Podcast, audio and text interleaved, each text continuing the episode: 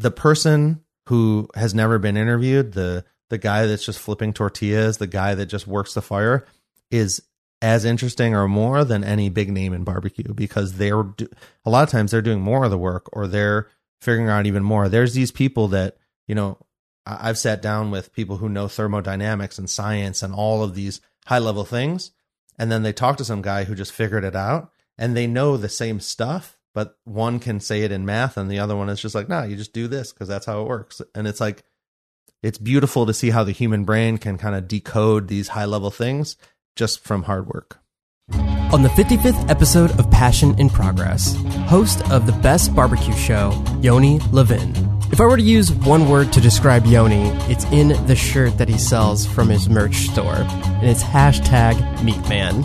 Yoni has done over a hundred podcasts where he's interviewed some of the top pitmasters in barbecue from around the world. If you know a lot about barbecue, or if you are curious about the art of barbecue, this is the episode for you. But before we begin, I just want to take a second to thank all my patrons that support me and what I do in this podcast on Patreon. If you would like to support me in that way, I'm at patreon.com forward slash Javier Mercedes. I also do have merchandise now. I have the Passion in Progress mug. You can pick up one of those snazzy fresh mugs from my website, javiermercedes.com. But now it's time to talk about the community, the process, the pitmasters, and obviously the star of the show, the meat. All of that and more on the 55th episode of Passion in Progress with Yoni Levin. What is up, Mercedes? Javier Mercedes here for yet again another Passion in Progress show where we talk to inspiring individuals and hopefully through hearing their stories, you too are motivated to go out and pursue your passions. And today on the show, we do have somebody that is in pursuit of barbecue. Yeah. And we are in the mecca of it here in Texas. Yoni, Levin, how's it going, man? That's great. Uh, we are in the Mecca. We're in the, the capital of, of Texas barbecue right here. You host the best barbecue show Exactly. uh, podcast. Go ahead and give what you do on the show, who you interact with, and I just like your hustle for going around and interviewing all of these amazing people in the craft of barbecue. I uh, I started cooking barbecue when I was like 19 or 20. Um, and I say that loosely because barbecue is not really what it was. It was just kind of crappy backyard smoked meats and I was soaking wood chips and doing all kinds of things that were just kind of a mess. And over time I started realizing, oh, there's there's different methods, there's different ways. I started using a Weber grill and doing a bunch of different kind of home backyard tricks. Uh, and then in 2008 I moved here. In 2009 Franklin opened and I had some of that and it was incredible. And then La Barbecue actually opened around the corner from my house. And so my pursuit of barbecue kind of came to me almost as soon as I got to Austin. And I've been eating barbecue, cooking, picking their brains, trying to learn myself. A few years ago, I met up with some guys who wanted to start a marketing company. He just did air quotes for those that can't see. And we started a show and they've kind of given up on the marketing thing. But now I have a, a show all about barbecue and I go all around the country and the world, hopefully, to talk about uh, why people cook over fire. One of the quotes that I love you said in one of your episodes is barbecue is hard work. People that do barbecue tend to like hard work. Can you uh, talk about what that means to you? I- I tell the guys, you know, I call it the best barbecue show, and it's a little tongue in cheek because I purposely don't do lists. I don't. I think there's a if you want a list, there's a million guys doing it. There's a bunch of people trying to take this giant world of people cooking all different ways and turned it into the top 10 or top 20 or top 50. And I wanted to tell the story. I wanted to show up kind of like you with microphones and cameras and just say, "Hey, tell me why do you stay up for 16 hours straight cooking?" Uh, and I love that idea. And I wanted to put as much work into the show as people put into cooking the food. the more you delve deep into your uh, your episodes of your podcast, the more you can get a sense of community. And just talk to me about what that is like. Showing up to events, showing up to somebody's restaurant, or whatever that may be. Talk to me about the community behind barbecue. Hashtag barbecue fam. uh, it's incredible. I in a world where people want to start fights on the internet, who want to talk down about each other, who want to kill each other, trying to drive to work, uh, there are people taking their time, being generous. I mean, people are blown away. I was just in LA for the LA Food Bowl, and uh, I, I walked in and there's Aaron Franklin and Burt Bakman, uh, Billy Durney and Sam Jones, and they all shared this very small space, but there's five smokers and a 25 foot rib pit and a giant whole hogging pit. And one of the people from LA was like, how did you guys decide? Like you, you didn't fight over who, who got the best spot. And at no point was it, everyone was just like, no, we're just sharing. Can you explain just for the people that don't know the names that you just said? Okay. So Sam Jones is a world famous whole hogging guy.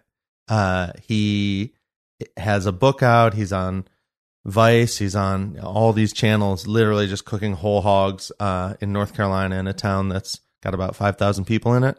Aaron Franklin uh, created what I would call the the modern brisket. He took these old methods and really dumbed them down to simple salt and pepper, uh, slow smoke, and just watching a piece of meat until it's that perfect mix between kind of like cooked but relaxed. And it creates this beautiful slice with rendered fat. And I mean, people wait in line for three or four hours to get into his restaurant. These are the creme de la creme. Yeah. These, these are the top notch people that you're talking about, and they're all sharing their space. One of the things that I found interesting about talking about your podcast with the other people when they when you get them on is they're like, yeah, I love listening to your podcast, and it's more in terms of everybody that you have on your show. They love barbecue to the point that they're in the act of barbecuing, but they also want to listen to a show about barbecuing at the same time. Can you talk about the act of practicing barbecuing and why that's different from some other methods of cooking? Well, if you were going to cook a steak or something, you can cook 20 steaks in a night and practice your recipe. Mm-hmm. When you want to practice cooking a brisket, when you want to practice barbecue, you're in it for 10, 12, 14 hours. And let's say you want to try it with a little more salt or you want to try it a little hotter or colder. You can only change one thing. So for 16 hours, you can make one change and then you have to see how that comes out. And then the next day, you can try something different. And the oh, idea. Crazy. So the idea is that it takes a lot of work just to get to the point where you feel happy with what you're doing. And then on top of that, these guys are doing a hundred briskets in a day. So they're cooking three, four, five thousand gallon pits mm-hmm. full of barbecue, and they have to make sure that everything's going to come out the right way. If it's not going good in the first six or eight hours, you better figure it out because there's going to be people there at 11 a.m. Oh my gosh. Have you ever heard of a story where somebody just batched up like a hundred pieces of meat? not usually a hundred. They can usually bring it back, but yeah, there's there's guys that when they first opened their restaurants, they were sleeping in the pit room. They literally there's a guy in San Antonio, Esaul Ramos, uh, and his partner Joe. They run 2M Smokehouse, and they literally were sleeping in their pit room. And the business next door was a mattress shop, and they realized they were sleeping there and gave them a mattress to sleep on. and they were just full on sleeping in there. But so they were supposed to do shifts, and sure enough, one of them was finishing his shift, sat down, fell asleep. They wake up, and there's three or four hours before service, and like the fire's dead, the briskets are too cold, like this whole thing where they had to they were they were literally finished everything at like ten fifty five. Jeez. Let's get into that then. Uh, what goes into why is it such an arduous process? Like, why does it take so long to do this? And I, from what you were saying, like using the scientific method, if you want to try something different, you can only change one thing, and then you have to wait so long to to reap the benefits. Um, Yeah. Talk about the process. Well, uh, I'll I'll start with brisket because brisket is king in Texas, and you, you're gonna you're gonna want to do a few things. First, you're gonna want to cool it down so that you can trim it because most briskets don't come kind of in the shape you want. Just for real high level, what part of the animal is brisket? Brisket is kind of the peck. There's only there two go. briskets per cow, Mm-hmm. and so there's a left and a right, and that's it. So a place that serves 100 briskets, that's 50 cows. Dang, dang. All right, all right, but continue. So you you want to trim the brisket when it's cold, but then you want to season it and let it kind of get to a, a more room temperature, so that when you put it on the pit, it's not shocked. And then all you're doing is watching a fire. You're kind of crisscrossing logs, post oak, something that's really dry but hardwood, so it burns good. And you're just letting the smoke kind of slowly kiss it. Some people start at a low temperature and go up. Some people start at a higher temperature and go down. Uh, we could we could spend an hour just talking about Mhm. methods, but you're over hours you're letting the smoke pass over convect heat and flavor into the meat, and that's why you get that nice dark bark around the outside, that salt and pepper, that kind of black Mhm. covering. Uh, but what that's doing is it's holding in all this heat. And there's a few challenges, but the biggest one is called the stall. And what happens is literally once the brisket reaches a certain temperature, it starts to sweat, and the sweat cools it down. And you have to keep cooking it so that this you, you can offset the sweating until it reaches. You know, you, you know when you look at like boiling water, it like levels off at a temperature. Yeah. So you'll be cooking a brisket and it'll just level off and it won't get one degree hotter for Wow. an hour sometimes. And you just have to fight through that and keep cooking until it goes the rest of the way up. And and you're cooking to over 200 degrees. In a steak or something like that, you're doing this 160, 150, 130. You're actually almost overcooking it. But what you're really doing is you're just liquefying everything inside and then letting waiting for that to kind of all get really really tight and then right when it relaxes is when the brisket's done. Usually let it rest and kind of soak all the juices back in and then when you take a slice you'll see just the the fat and the muscle and everything just melts in your mouth. It's like a video game. It- like like I didn't know that, uh, and especially what you're talking about this that little sweating part. Um, it's it's like uh, it's that's the boss level. Yeah. for for sure. From my standpoint, listening to the pod because I've never done barbecue before. I love cooking. Um, and from what it sounded like, the process, one of the the arts is just how you control fire and how that doesn't affect um if you have a normal oven you can control the temperature but with uh pits you can't like you the art of cooking is also the moving like what you were saying moving the logs and controlling of the fire can you talk about that When you put a bunch of wood in this box, I mean you're you're really just working with a series of tubes. Mhm. It's just a one big tube with a little tube with fire in it, and then a tube to let the fire out. And so the the thermodynamics, the you you might get into the math of it, but the idea is that these these tubes are going to send the smoke in a certain direction. And some people say they get theirs to swirl, or some people put the firebox higher or the smokestack. One of the things you'll see now is a lot of the pits, you know, they're, they're old propane tanks mm-hmm. and so they go anywhere from a hundred to a thousand gallons, and they kind of round out on the end. And some people just put a smokestack right off of it. Aaron Franklin and a lot of these guys they put this kind of triangle. They call it a smoke catch. Uh, but the idea is that you want the smoke to travel over the briskets long enough to give them some flavor, but not lo- long enough for like uh, stuff to stick to it for the that creosote, that kind of sourness. Mhm. You're literally just you want the smoke to kiss it and then get the hell out. So people have higher smokestacks, people have different doors and ventilation systems and even though it's the simplest of cooking methods, a lot of people are complicating it depending on, you know, how they want to do it. A lot of people so usually there's a pit in the middle, fire and a, a stack to let the let it out.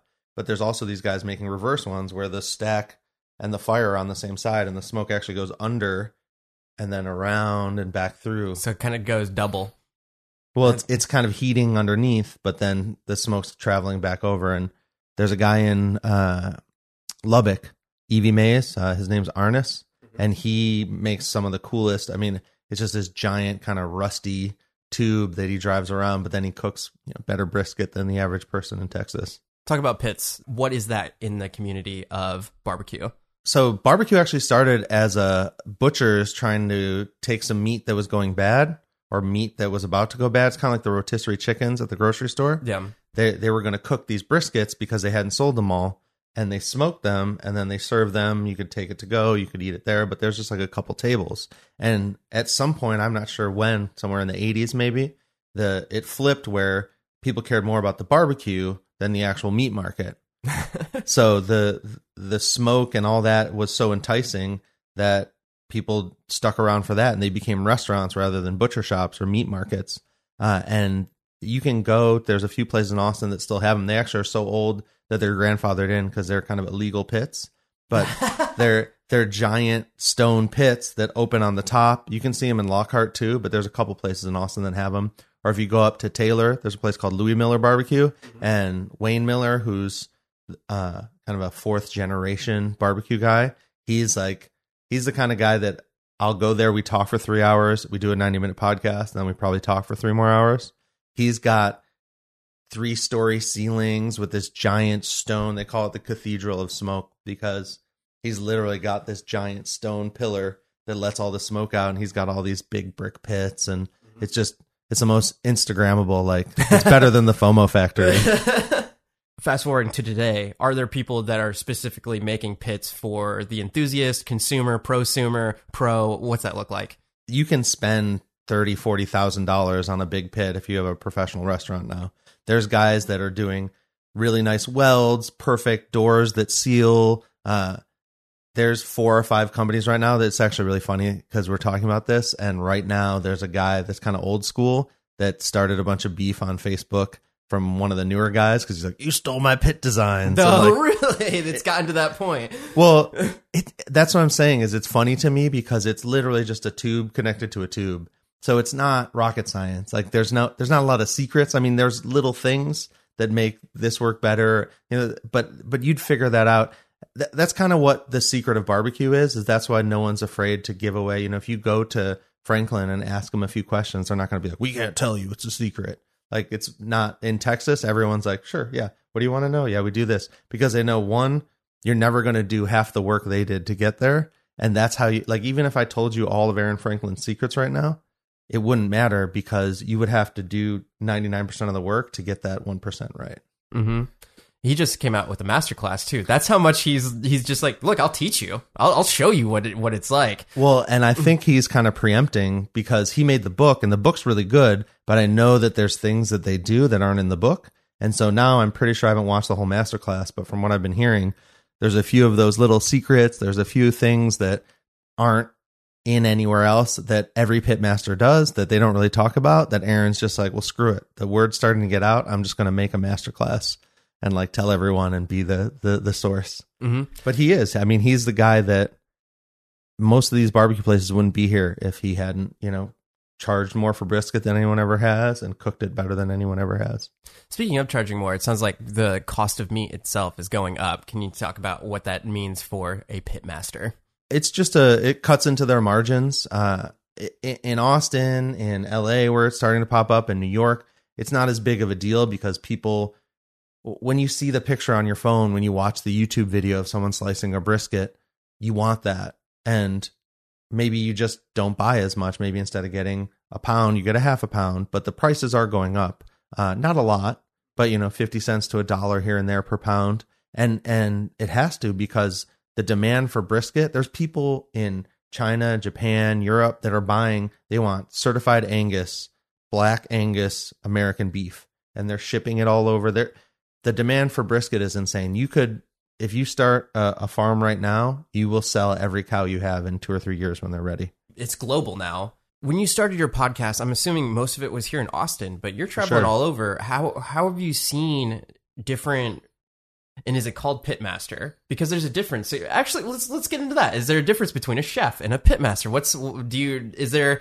You, you're smiling like I don't know if I want to like really get political about this. Like, can you talk about it? Talk about it. it's it's the same thing. It's there. There's a there's a level of humbleness because a lot of these people just read a few books and started cooking, so they're not a classically trained chef.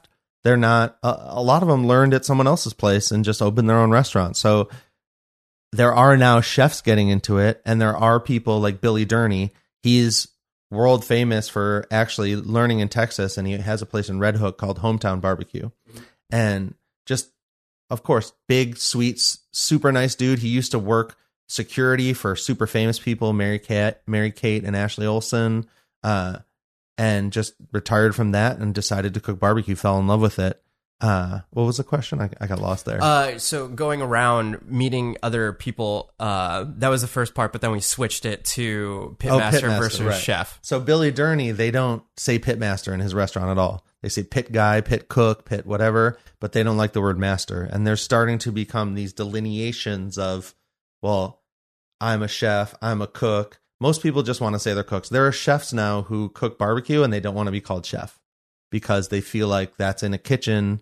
But I personally don't care. I just call people whatever they want to be called. I think that names are stupid and that we all know you're good at something. So what is it? Like chef just is chief. That just means boss. Like Mhm. it, it, it doesn't really calling someone a chef. Like if you're calling them a Michelin star chef or giving them some highfalutin name, yeah. But if you just call someone chef, like I think the pit masters or pit guys or chefs, I mean, these guys work. There, there's a guy who uh, works in Houston, and one of his videos from when he worked in Austin is now at like 500,000 views, and it's not the most perfectly shot, great camera. It's just him going, "Hey, I'm about to cook for 12 hours. Come join me," and just showing this giant pit with four doors that's twice as long as this room, just f- filling it up with meat, cooking it all, and emptying it out. Is that video 12 hours long? No. It's Oh, not so so he hours cut it down. I thought this was like, come join the live feed of me not watching paint dry, but watching meat cook. Listen, barbecue is in the dark ages as far as technology. So any kind of live stream, anything like that, I guarantee you, you know, you can see the statistics on YouTube. There would be a hundred percent on there. It wouldn't be everybody, but someone would watch a hundred percent of that video. Just to get the uh, the little in in uh, I, am trying to think of the word in, in Intricacies? Thank you, intricacies. I love leaving that kind of stuff in the um, podcast because I'm not perfect, people. I was really impressed. Uh, there was one where you spilled like a cup of coffee, like right in the first 10 seconds. yeah, yeah.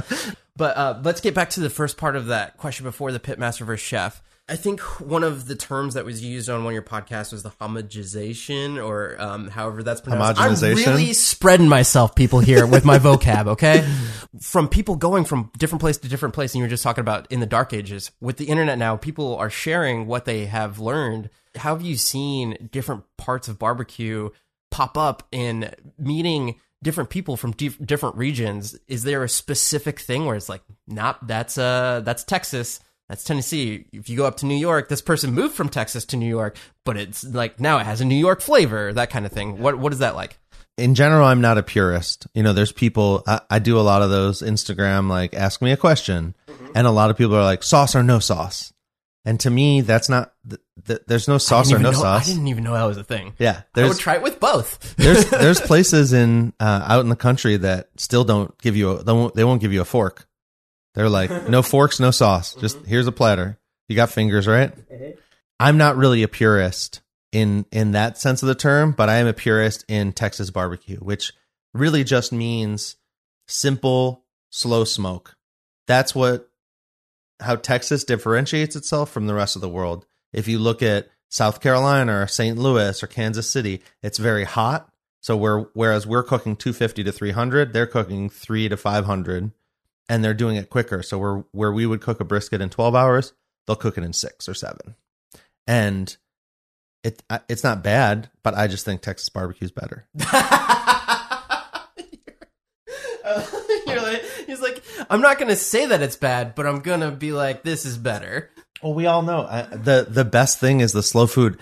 Barbecue is this whole slow food movement. The the the things that are taking over cities all over.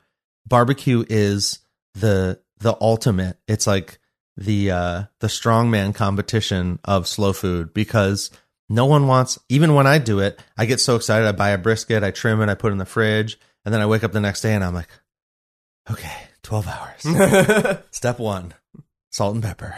You know, like crazy. you have to realize, and then you think about there's guys that spend all day trimming just so they can spend all day the next day cooking. I mean, like this isn't this isn't an army of people. When you talk about cooking 100 briskets, there's probably only two or three people that trimmed them, and there's only two or three people cooking them. So if you think about you take a 10 or 12, sometimes 15, 20 pound piece of meat, and you've got to move 50 of those every hour. You know, you you you figure out where the the hot spots are, you know your pits, and so there's all kinds of rotation. Sometimes people, you know, the brisket kind of has a big fat part, and then it kind of skin it slims down, and that slim part you have to be careful because it's really easy for that to burn and curl up and not and lose its moisture. So there's a, a constant watching everything, but at the same time, you don't want to open your pit too much because they say if you're looking, you ain't cooking. So Whoa, when you when you open the pit, you're letting the heat out, you're letting the smoke out. So you have to whatever you need to do. If you need to rotate 50 briskets, you got to do that in 10 or 15 minutes, or else the whole pit's going to cool off, and and then you go and you put the you put a log in the fire and you're trying to get it hot again, and then it goes 20, 30, 50 degrees too hot, and then you have to kind of shut off some air and like it it it's trying to keep this constant. It's kind of like meditating, like you have to kind of stay at a balanced level because as soon as you get a little off, you can really easily overcompensate, and then all of a sudden you're doing this, yeah, and you're not. he's making nice- a sine wave for those that can't Yeah, see. yeah. I'm waving my arms around. yeah, an equilibrium or like that sweet spot. A lot of the people that you interview, they're so passionate about it. And each day, it's not a mundane task because every single cook is something different. Especially, it sounds like if they're cooking outside because you can't control the elements. One of the things that I loved about um, when I was working at the Chive, we did a, a piece when Hurricane Harvey came down. And the cool thing was with barbecue, you didn't need electricity. So when natural disasters happen, you can you can bring out the would it be pits the can, yeah yeah. yeah you can bring out yeah your, your smoker. The you don't need electricity to cook. The only problem is you need refrigeration. So people bring like refrigeration trucks and things of that nature. There's a couple episodes that you had where it was for like disaster relief stuff. Can you talk about um the different pit masters chefs whatever you want to call them you've you've interacted with in that capacity Well, so like this one touches my heart because Operation Barbecue Relief is now a giant organization that goes running towards any disaster. And they, since the show started, I think they had a few hundred thousand meals served. Uh, started in Joplin, Mississippi, from the uh, the tornadoes, and since then, like less than three years, they're at over three million meals served. how about that So they they will literally show up to a crisis, whatever, and they they have this kind of magical system where they have an app and they have it, it's guys that run companies, but they love barbecue. So they took their genius in running companies and turned it into this barbecue relief organization. So a thousand volunteers get called and when they land they know exactly where they need to be they know exactly what they need to be doing because this isn't this isn't a restaurant this makes a restaurant look like a joke they're getting a pallet of tomato sauce and they have to figure out how to open all the cans. Like this is they have insane problems. just to touch on this, um, when I went down to help with Hurricane Harvey, we were with Tri- Triple H. I don't know if you've heard of them, but they're another disaster relief. But I'm assuming they encounter the same exact problems. And one of the weirdest things that you don't think about is sharp knives. You have to cut a whole bunch of meat for a whole bunch of people, and like you were just saying, how to get a can open and everything. When a disaster happens, you can't just go down the street to such and such, like the I don't know the mart and get and get a tool that you need. But it's really cool that because of um, the amount of food that you're cooking and the way that it's cooked, you can just get a whole bunch of people together and be like, "Look, your whole what you do is you just sit there and you cut this thing and then you package that, and then especially for sandwiches, which we can get into for barbecue, um, it's just easier for you're the bread guy. You literally just you open this up, you put two pieces of bread and move it along. I did hear on one of your episodes, going back to the sandwiches, was it you that said or somebody else that said that anything can be a sandwich? Uh, I, I, you know, I was just talking to someone about this and I can't remember which episode that was. Uh, but I've brought it up a few times since. And yeah, at one point someone said pie is a sandwich, like changed my mind.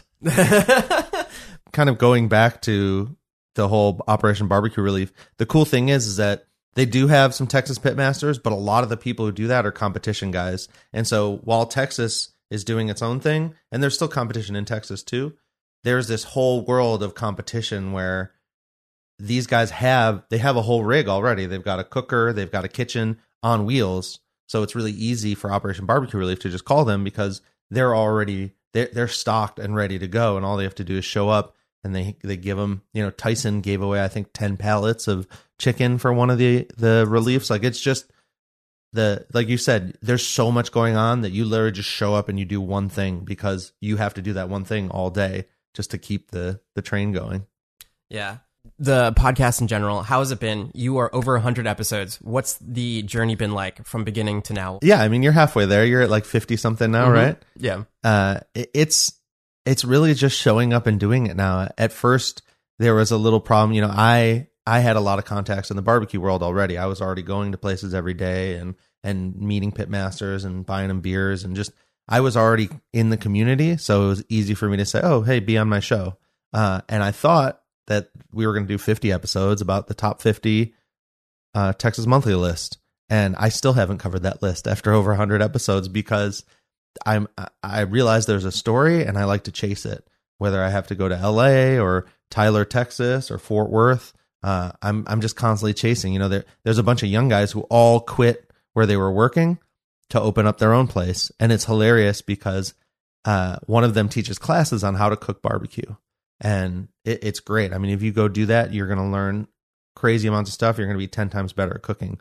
But a, a few of them uh, were kept getting calls from these other guys who were trying to open a restaurant and they kept they were hitting me up because they were like, "Hey, can you help me like price or tell me like what's the cost or how much money am I going to make off each brisket?" And I'm like, "Why are you calling those guys? They haven't even opened their restaurant yet. like these guys work in pits; they're figuring it out, you know." Yeah. And I, I was just laughing because we just called each other. Like there's there's not a there's not this professional or this there, there there's not these restrictions that you see in other industries. You can literally just you just call up the guy hey how do you do this? Or you know they might not always give you an answer but most people in the barbecue community are super accessible. It's kind of it's something i like to say but i'm also afraid to say it at the same time because i don't want people to realize you can just like walk into the pit room and hang out with everybody. But it's true. You at 90% of these places you can just walk into the pit room introduce yourself and spend 20 minutes learning, watching, you know, holding the shovel and uh, the amount of love and welcoming, you know, when I said hashtag barbecue fam, like it's true. And because these people sit and stare at fire all day, they're just more grounded. They're not afraid or it, the only people that are really hard to talk to or hard to get to are people like Aaron Franklin who are just so famous. But the rest of them are super accessible. You can you can walk into any place. I mean, half the places in Austin now they have a big sign, ask us about our pit tours. And it's not some fancy like you don't get like a docent to walk around and tell you the history. It's just some guy who's like, Hey, here's what you want I'll open the pit for you and everyone grabs our phone and you know, you get that Instagram shot of all those briskets kind of slowly sizzling with a that that nice bark. I I want to eat now. uh it sounds like it adds to the story and what you're talking about is this overall encompassing story of what barbecue is in not only Texas but the US, which is I think really cool. And diving deep into your podcast, I get a lot of that where just from episode to episode, each person is different.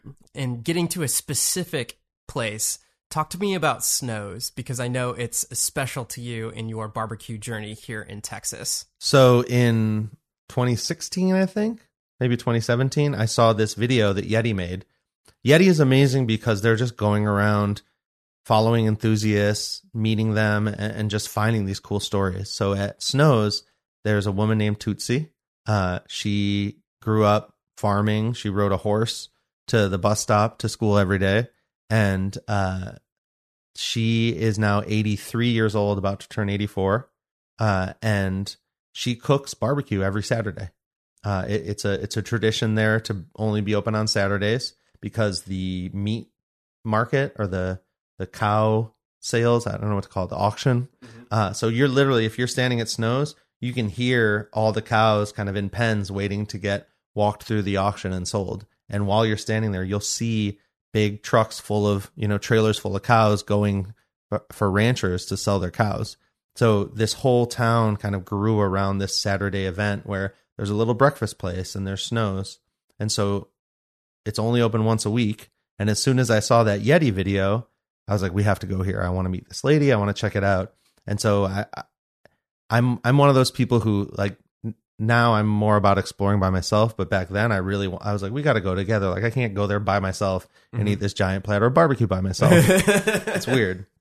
So I got a bunch of friends together, uh, and I went and I just had an amazing time. I was just blown away, and I was I, I hung out there. They were literally like, dude, we got to go. Like, it's an hour back to Austin. Like, we got to go. Uh, and so I went back a few weeks later and then I started going back every week. And I, I've probably spent three or 400 hours in that line just waiting. Uh, and it, it, just became this thing where I, I, didn't even realize it was such a big deal. Like I saw the video and I, I love eating their food. And after about 10 or 15 times, Clay, who's one of the pitmasters, he was like, Hey, how many times you been here now? You come every Saturday? And I was like, yeah, maybe. I like it. I, I grew up in upstate New York and it was very common to get the hell out of town every weekend. And so it's not as popular here. And getting out of town, like Lexington, there's not really much around there. Giddings, Elgin, you know, you go in all these directions. You got to go almost an hour to get to anything outside of Austin. And Texas is a big state. It's huge. I just started going. And then after about a year or so of that, one of the young ladies who worked there just came up to me. She's like, "Get the hell out of the line." really? and they and I just became a regular. So now I'm like a local there, and So you, so you can just show up now, and then they're just like, hey, Yeah. like you have spent enough money here. and and it's great. It's like family. You know, I go out there and uh, Miss Tootsie's always got something funny to say. Kerry and his family. He he's the owner, and and a lot of his family work there. So it's just fun to see them all. You know, uh, you can tell when service is starting to run out because they all kind of start talking to each other more, and like the um, the mom or the dad or someone will crack open a beer, and then everyone starts to relax, and it's cool because if you stay there long enough, you just end up hanging out and they, they they'll stay there for an hour or two after they're done just to kind of talk to the locals and we'll all be kind of picking off like one last brisket or whatever's left over. And it, it, it's really it's like a family you know when you are in the barbecue community you've got family all over the world you just as soon as they realize you're a barbecue person that, that there's no question Do you have any more examples of that? Other pitmasters talking to other pitmasters, or other people that want to learn about the craft. I go to these events and I go through the whole rigmarole and I get a media pass and I do an application and I give them a press kit and all this stuff. And most of the time I get there early and someone just gives me like a pitmaster wristband or an all access pass anyways. So it, it's just, it's one of those things where I, I, I know everyone now. So when I go, like I just went to Red Dirt and it was like, everyone's like, Oh, do you need a pass? Do you need a pass? and I was like, well, no, I have one, but yeah, I'm going to take one of the Pitmaster ones because that gives me even more access. You know, we were using the the honey wagon, which is like a nice bathroom. We're using the honey wagon for like the artists at the uh at the stage because that area wasn't cordoned off, and of course the artists aren't going to show up a day before they're going on. So we had these like nice bathrooms and all this stuff, and then as soon as the the like headliners showed up, they closed off all the the bathroom stuff. But it's like while you're when you go to a, a barbecue event in general, there's usually a bunch of uh, booths or tents or whatever, and you kind of walk along the front and you get to try something from each thing. I'm the guy in the back that's like sticking my hand in the pot and talking to everyone behind, and I, I like that because you get the person who has never been interviewed, the the guy that's just flipping tortillas, the guy that just works the fire, is as interesting or more than any big name in barbecue because they're do- a lot of times they're doing more of the work or they're figuring out even more. There's these people that you know I- I've sat down with people who know thermodynamics and science and all of these high level things, and then they talk to some guy who just figured it out and they know the same stuff, but one can say it in math and the other one is just like, no, you just do this because that's how it works. And it's like it's beautiful to see how the human brain can kind of decode these high level things just from hard work.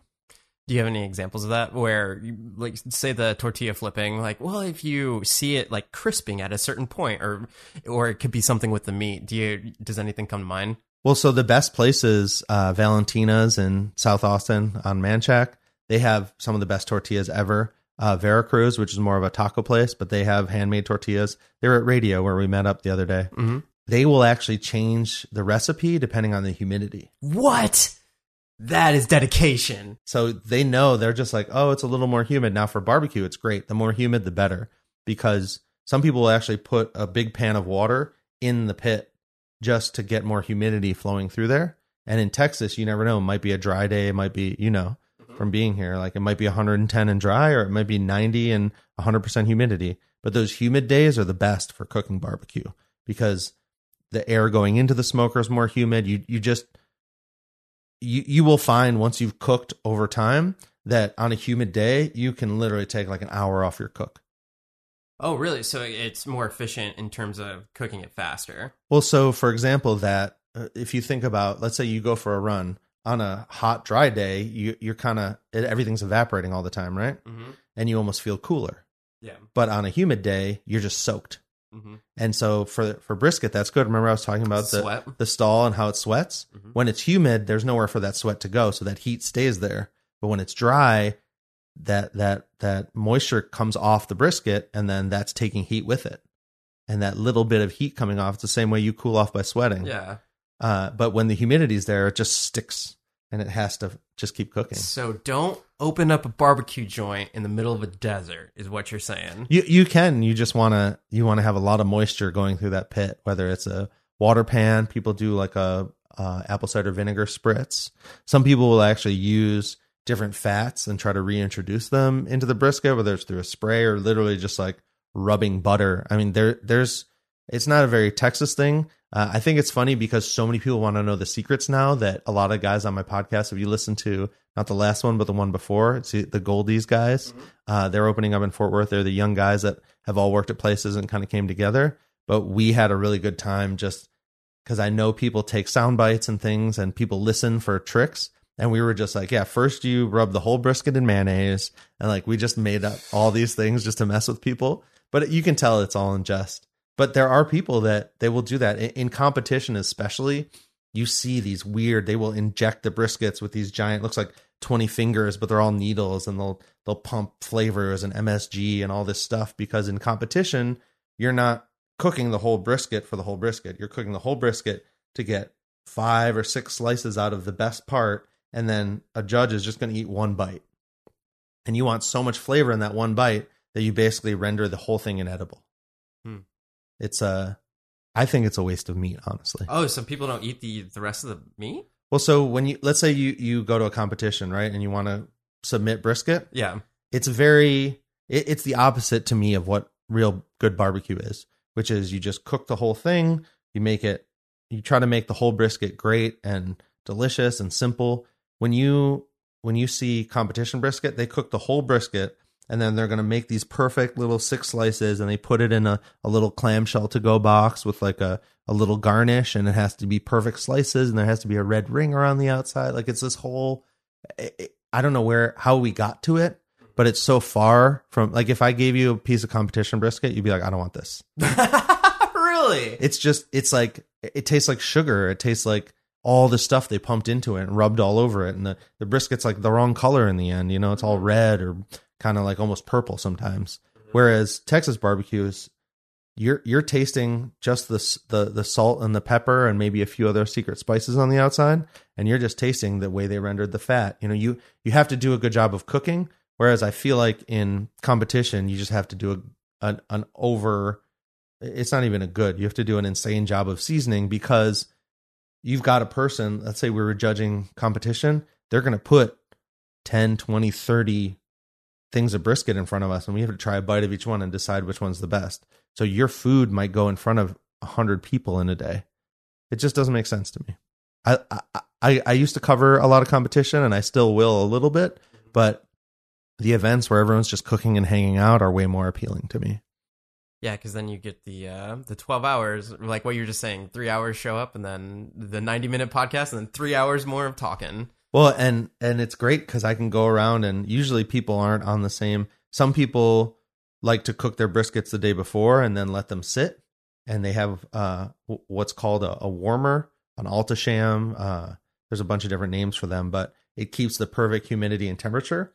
And what you're doing is by holding that brisket for six, eight hours, you're actually giving it more time to kind of. When you take something and cook it, it gets really tense, right? Like if I put a lighter near you, you tense up. Mm-hmm.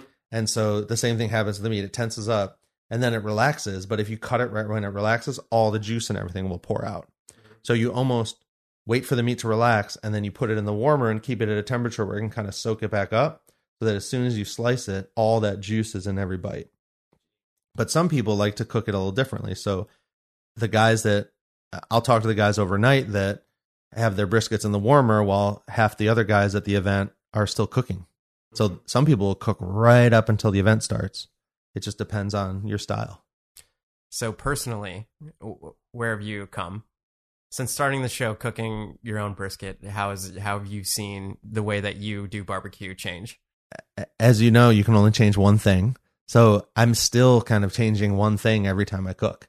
And uh, I've gotten I've gotten to the point where I have I think I'm at about 92 to 95 percent. So I've I've got a brisket that it, it, wouldn't you know if my friends come over they'd be like this is amazing. To me, there's still a few tweaks that I need to do, but it it's definitely you know I don't know how to cook a hundred of them, but I can cook two or three, and they'll come out pretty good.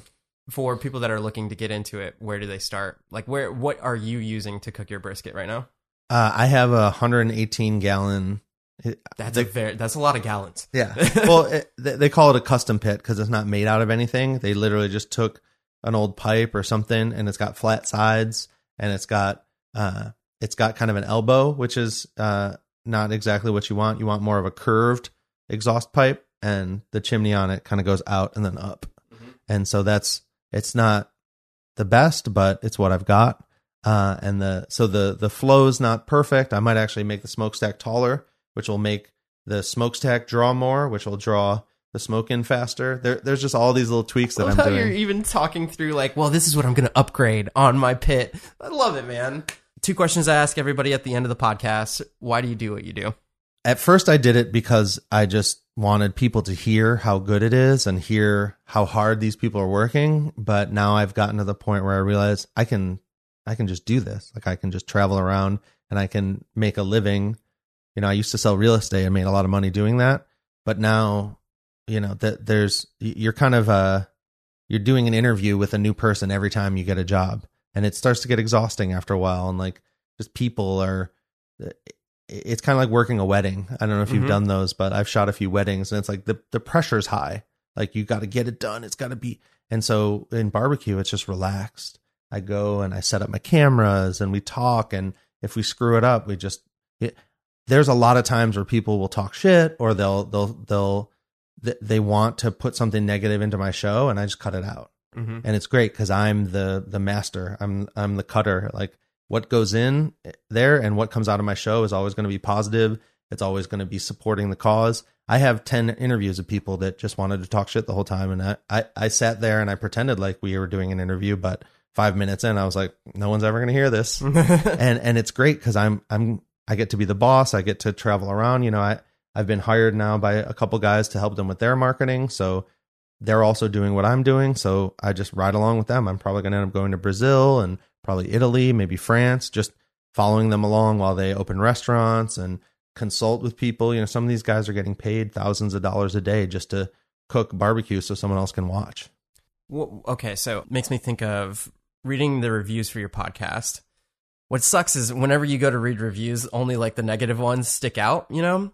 And I there was one in there that said something about uh the, it's just like somebody prolonging like a millennial prolonging his um his time before he has to get a real job, right? I haven't The read that one. I want to read that one. Uh, I that's the I'm paraphrasing, right? Yeah. But to me, the whole concept of this podcast is passion and progress, right? You're pursuing something that you're passionate about, and then like you, you want to make money from it, you know? For sure. I don't think people realize how much time goes into producing a podcast. For sure. Um, again, it's like you're doing what you love, so it's like, is it work? Is it play or anything? Can you talk about what goes into the production of what you're doing and because of your why, for me, like I only knew so much about barbecue before meeting you, and now after listening to X amount of your podcast, I there's so much more of the story that I'm involved with that I I love this because it's more like the um if you make your own peanut butter and jelly sandwich, right? It tastes so much better when you make your own, but I can't imagine a 12 hour peanut butter and jelly sandwich. Like if it took me 12 hours to make that, I I would enjoy the heck out of it. Um talk to me about like the process and what people might find uh what criticism you might get from just like uh one being enthusiast an enthusiast of barbecue and not actually owning your own like oh I'm a barbecue joint type of thing. But I think in and I'm putting words in your mouth right now from my perspective is if you want to be successful at what you're doing you're devoting your time to like going and getting other people's stories. If you were running your own barbecue pit, you like you'd need to spend your it's like it's, these people were sleeping on mattresses, you know, in the place. So explain uh what that's like for you. Well, the first thing I'm going to say is if you haven't cooked a peanut butter and jelly sandwich like a grilled cheese, you haven't lived yet. So I do that first. There, there's a few people on my show that have said this in so many ways, but my, my favorite quote is when you go into a kitchen, when you see someone cooking, it's beautiful. Mm-hmm. Barbecue is magic. It's alchemy. You've got this person who they don't have crazy equipment. I mean, the pit's probably expensive, but other than that, you know, they're probably using the cheapest knives. They're they're not doing anything crazy. They're turning wood and a spark into this thing that people will wait hours and hours in line for. People will fly. I've met more people in lines and barbecue from other countries than I have anywhere else. You'll meet from Romania to England. There was these Irish dudes at Snows one day, you know, waiting in that line. I used to call it my office hours because after a while people know you're there. They've heard the show, they know you're there every Saturday, so they come see you. Mm-hmm. And usually that might be something that bothers people. To me, it's great. Yeah. And to the guys that say I'm what do you say, millennial waiting to get yeah, yeah, prolonging? Yeah, yeah. It doesn't matter. I'm I'm free. You know, you, you interviewed Red Romina. She talks about like n- never gonna have a nine to five. Never. Yep. I'm never gonna have a nine to five, and I love it. I every day I look like I'll be editing a video or I'll be drinking a Topo Chico, and I'll look. I'm like, oh, it's five thirty, rush hour.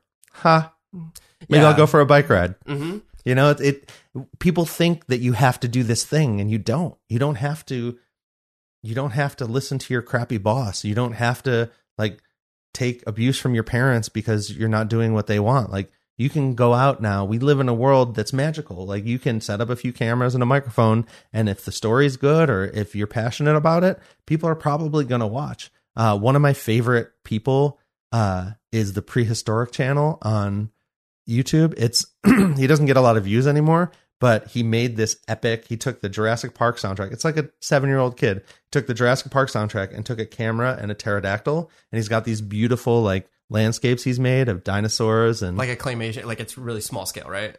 no, no, it's like well, it's not t- tiny, but it's like probably as big as this table, but. Yeah. It, it's not even animated. It's literally just him holding the camera with the pterodactyl with the Jurassic Park music, and it, it got picked up on Reddit. Mhm. And so he puts out these videos like, I don't know what's going on. I think my YouTube's broken. I'm at like 100,000 views. like, you don't know. Um, Mighty Joe Yim, this, the guy I was talking about in Houston, he just made a video years ago about him cooking on his pits. Now he, he can monetize it. He's got over half a million views that I saw last night. He's probably going to have 700,000 by the end of the week. Like, people want to see what you're doing. And every person who's sitting there at a job, like your job might be interesting. If you want to make a, a, a, a show where you wear a ski mask and change your voice and just complain about your job, that might be a good show. Like there's no limit to what you can create anymore. Like you can literally, everyone's got it. You can do it with your cell phone. Yep.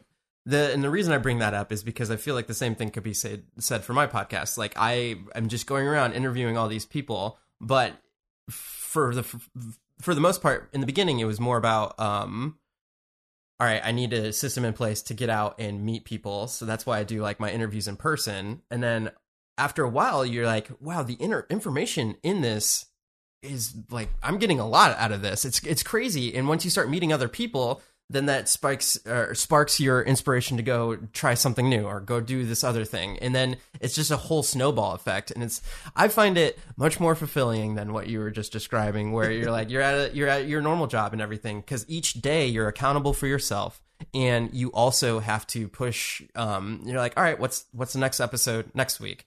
and it's just a completely revolving thing but it's i don't know i love it you know Yeah.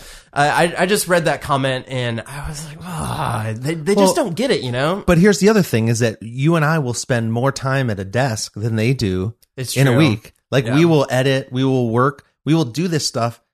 We'll spend more time, but we'll be more happy about it because no one's going, Hey, Mike, you got that report? Like no one's every once in a while, whether I'm traveling or something, I don't get, I, I might not get a chance to put out like last week. I didn't have an episode out because I was in three different places in two weeks. Mhm. So I was just like, I'm just going to call this one a mulligan and I'll get back started this week. And like maybe two guys will say, Hey, what's up, dude? There's no episode. What's going on? Like, which is awesome by the way yeah, but it's like it doesn't matter because you're the boss. It.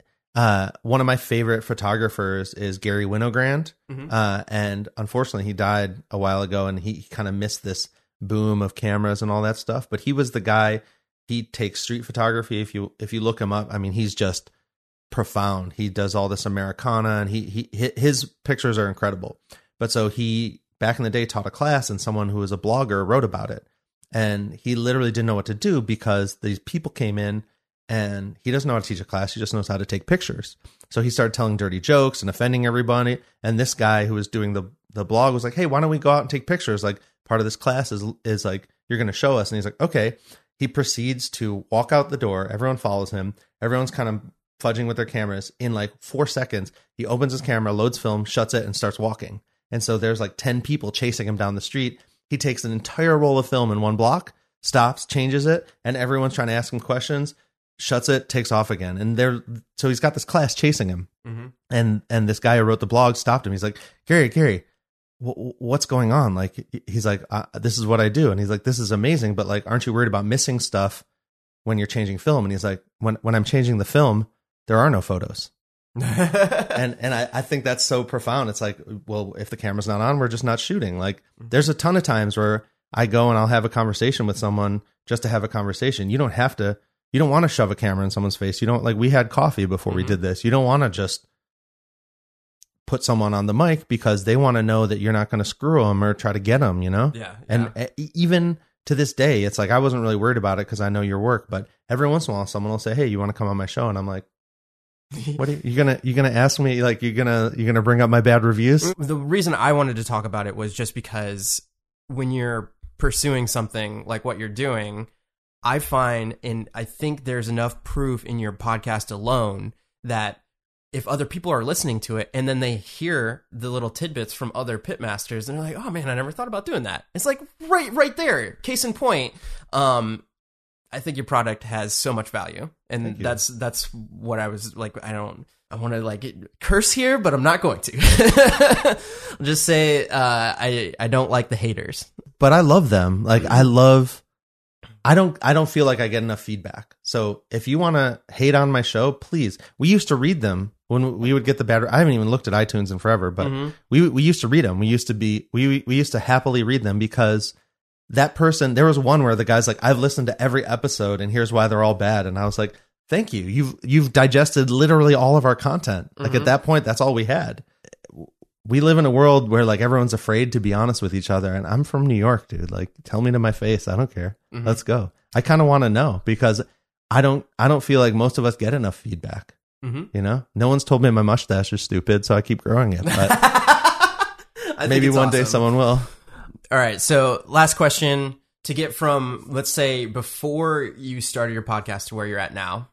What advice would you give to? And it doesn't even have to be barbecue because obviously this this podcast has a, a smorgasbord of community of people, but uh, most of them are creators or entrepreneurs in their own Yeah. mind.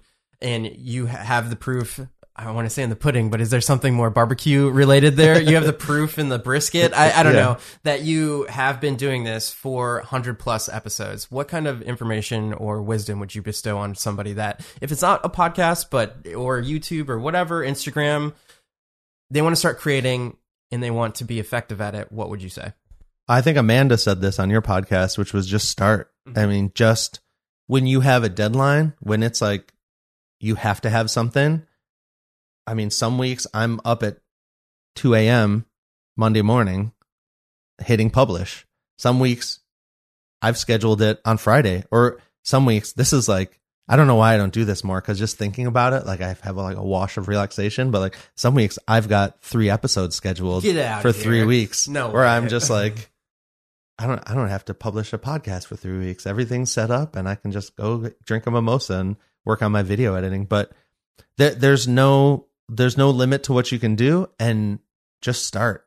I mean, you've got Javier here who kills it with the the. I mean, just efficiency and, and all the videos on how to do everything. And you know, I, I'm I can't wait. I'm I've got a list of questions for you to put out. so you were like, "Hey, if you guys want anything, I'll make videos." I'm like, "Uh, "Let's go. I've been looking for you for a while.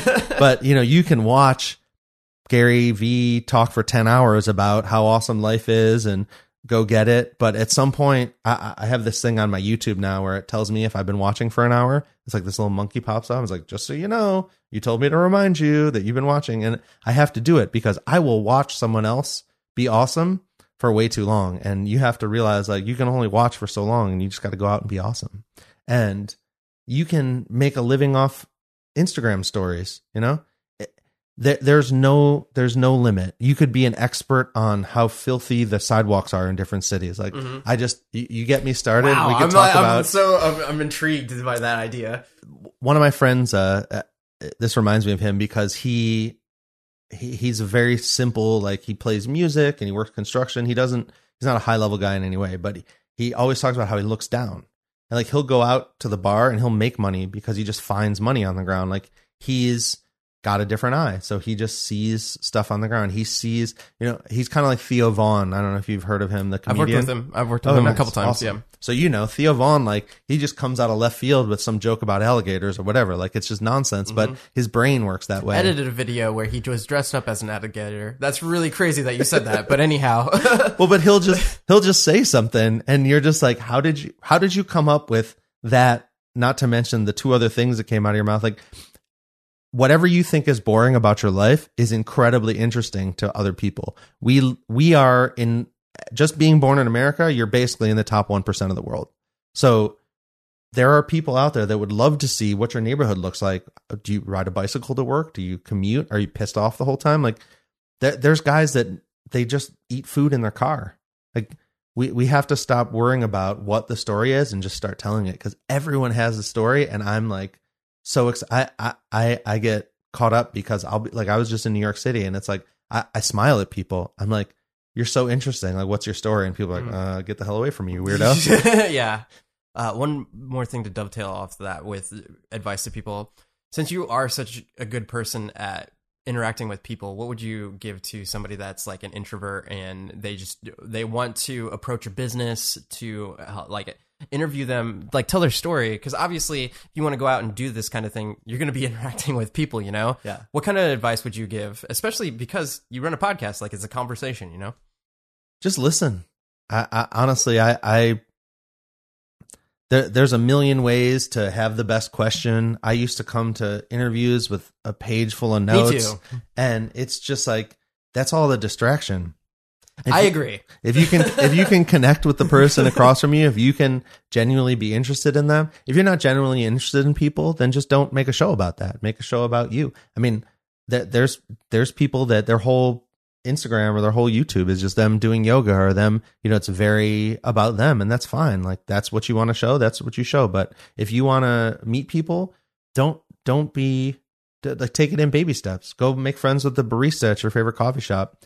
The the the Snow's thing comes up in my mind a lot, which is like th- there's nothing more powerful than being a regular because showing up means more than any email you could write, DM. Uh, I think you talked to Amanda also about this. Like being in person is Mhm. better than any funny joke or whatever. It's like Tinder works because people are afraid to talk to each other, but like going out and talking to 10 people is way more effective. And worst cases, you probably make a friend in the, in the process, you know?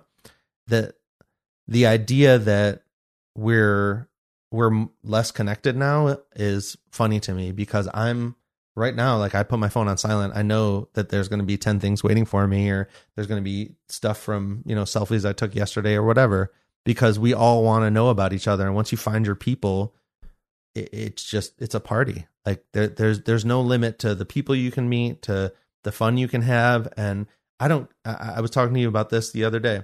I don't care about, like, I'm not trying to be famous. I want people, I want to have enough access so that the people in the barbecue world let me hang out with everything they do and that's all I need. I don't need everyone on the street to recognize me. I don't need to have some you know, I don't need my picture on a billboard and I like that. I like that you can be awesome in a niche and no one knows who the hell you are.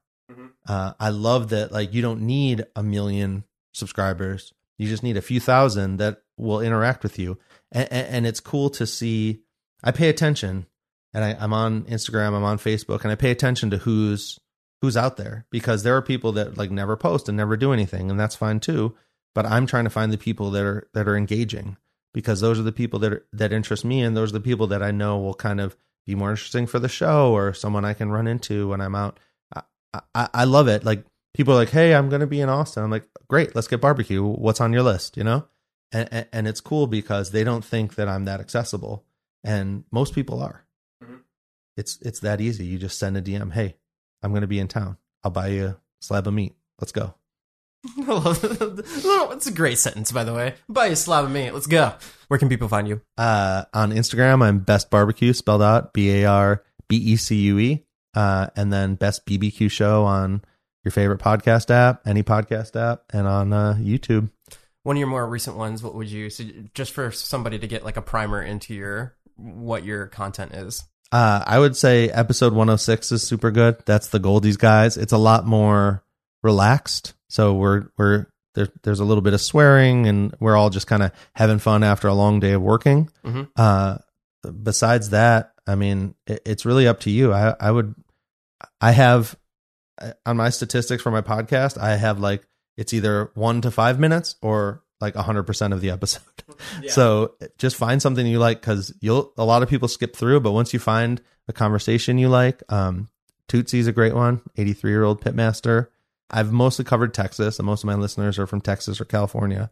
But if you're in Texas or California, I've probably covered at least one place you've been to. Uh, I'm about to put out some episodes from New York, uh, and there's a new place opening and There's actually a new place opening in New York and a brewery that's probably going to have barbecue in the next six months in New York that I'm going to go cover. So there's always more. Awesome. Well, thank you so much. Hey, thank you. This has been awesome. If you would like to share out this podcast, you can tag me at Javier Mercedes X and is it the BBQ show or just best BBQ show? Uh, best BBQ show. Best BBQ show. I mean, obviously, if you're listening to this by this time, maybe you have already opened up your Instagram and followed him. Uh, it's a great. Eh, Like, if you are into meat, there's no better Instagram account or show. Yeah. Uh, Thank so you. th- thank you so much for your time. Um, can't wait to. I, I- I just like love hearing all the stories of the BBQ of the local places. So now I'm like, oh, I know these places for whenever family comes in, and I'm like, hey, we could go check out this one place, you know. So thank you so much. Till next time, live a life of abundance. I'll see you guys on the next episode. Go eat some barbecue. This concludes episode 55 of the Passion and Progress Show. If you enjoyed what you heard, please leave me a review on iTunes. And if you would like to share this podcast out, you can tag me at Javier Mercedes X. That's J A V I E R Mercedes X on any of the social platforms. Thank you for listening. And like I said before, live that life of abundance. Till next episode.